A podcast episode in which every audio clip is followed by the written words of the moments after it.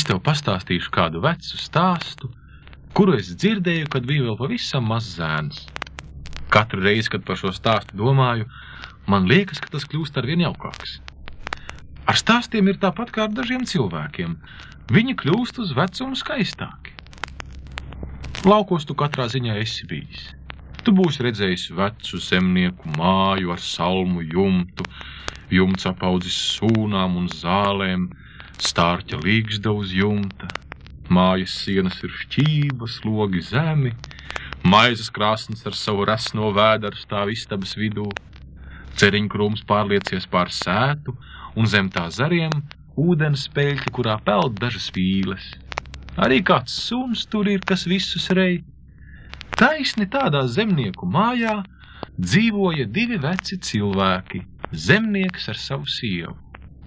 Daudz nekā viņam nebija, bet tomēr kāds radījums tiem bija. Tas bija zirgs.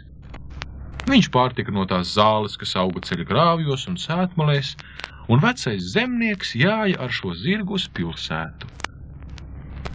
Bet vislabāk būtu bijis, ja viņi zirgu būtu varējuši pārdot vai pret ko derīgāku iemainīt. Bet kas tas varētu būt? To tu vecīt pats vislabāk zināsi, teica viņa sieva. Taisni šodien ir gada tirgus, aizjāju uz pilsētu, atdot zirgu par naudu vai apmaini pret ko citu.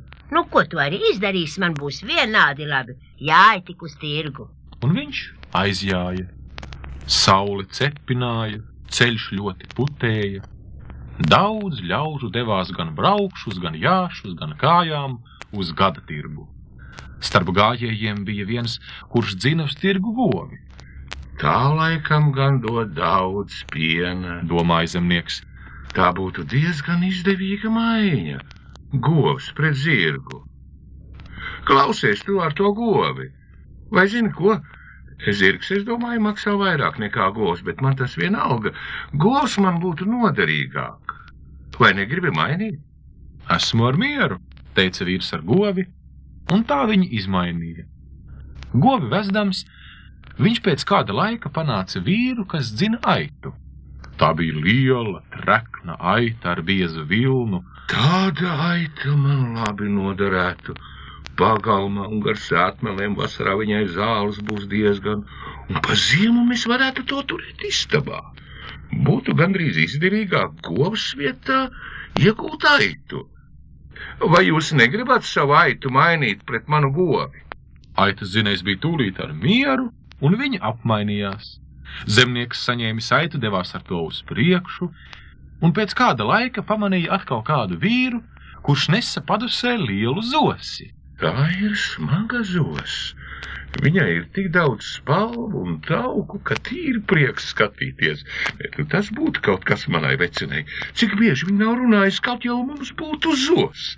Ej, draugs, vai nemainīsim? Es tev došu pret zosi aitu un lielu paldies vēl klāt. Zos īpašniekam zināms nekas nebija, ko iebilst, un maiņa notika. Kad zemnieks iemainīja zosi, viņš jau bija gluži tuvu pilsētai. Pie pilsētas sarga būdas Aukliņā bija piesieta sarga vienīgā vista, lai tā drūzmā nepazūd. Kloks, kloks! Vista teica, un mirkšķināja acīm un izskatījās ļoti gudra. Tā ir tā skaistākā vista, kādas jebkad esmu redzējis no teviņu pērkoņa. Nu, tāda vista mums derētu. Ej, vai negribi mainīt? Viņš prasīja sargam, mainīt, tas brīnījās. Tas nebūtu slikti un viņi izmainīja. Zemnieks jutās noguris, un tādēļ viņš devās uz viesnīcu. Kad tas gāja viesnīcā iekšā, viņš satika viesnīcas puisi, kas nesa uz muguras pilnu maisu. Ko tu nestai maisā? Kritušu sābolus, atbildēja puisis. Jānas atdot cūkām. Tā nu gan ir par daudz liela izšķērdība.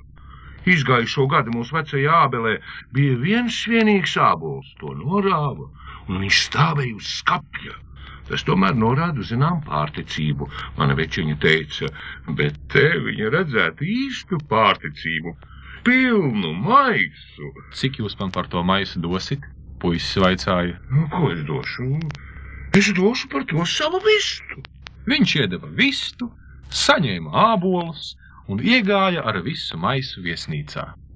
Maisu viņš uzmanīgi nolika krāsnes priekšā, bet pats piegāja pie letes. Bet krāsnes bija izkurināta karsta, un to viņš nebija pamanījis. Viesnīcā bija daudz ļaužu, zirgu tirgotāju, vēršu dzinēji un pat divi angļi. Angļi bija tik bagāti, ka kabatas tiem ar zelta gabaliem bija tik pilnas, ka vai plīsa pušu. Un uz derēšanu tie bija pirmie, to tu redzēsi. Kas tur pie tās krāsnes notiek? Izrādījās, ka āboli bija sākuši cepties. Tie ir mani āboli! teica zemnieks un izstāstīja visu notikušo par zirgu, kuru tas bija iemainījis pret govi, un tā tālāk līdz āboliem. Nu, tagad, kad aizies mājā, tu no savas vecenas dabūs, ko es pelnījis, Angļi teica. Kāpēc? Es nekā nedabūšu. Viņa mani nobučos un teiks, viss labi, ko vecais dara. Vai darēsim? Angļi teica, uz pūru zelta naudas. Pūru. Nu, pietiks ar sieku. Es likšu pretī maisu ābolu un piedāvām vēl sevi un savu večeņu. Labi, mēs ar mieru. Un derības bija noslēgtas.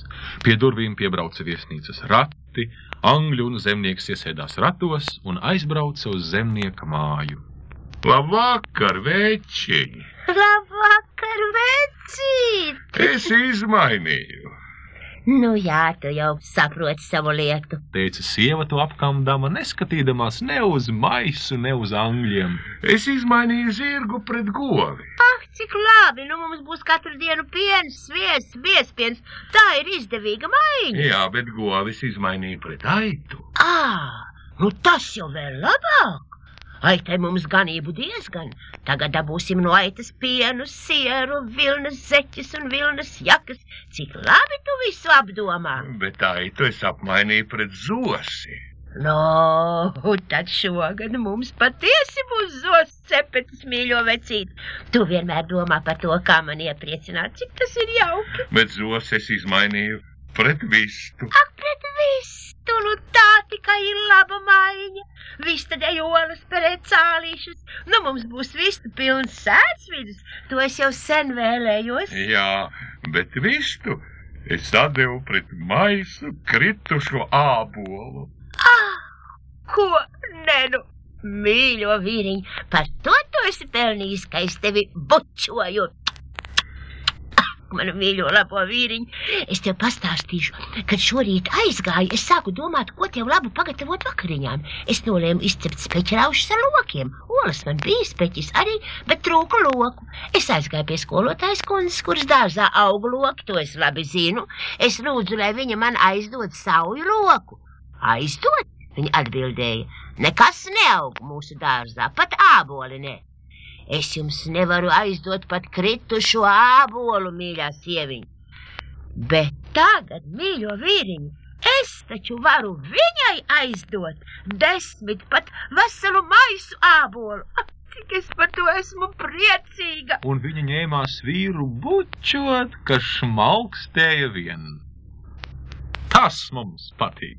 Angļi teica abi vienā mutē. Kaut ar iet no kalna lejā, tomēr optimistiski. Un angļu zemniekam piebēra pilnu sieku zelta naudu. Jā, tas jau nekad nav par sliktu, ja sieva atzīst un saka, ka vīrs ir tas gudrākais un dara ar vienu pareizi. Nu, redziet, tas ir mans stāsts. Es viņu dzirdēju jau bērnībā, tagad tu viņu dzirdēji un zini, ko nozīmē teiciens: Viss labi, ko vecais dara.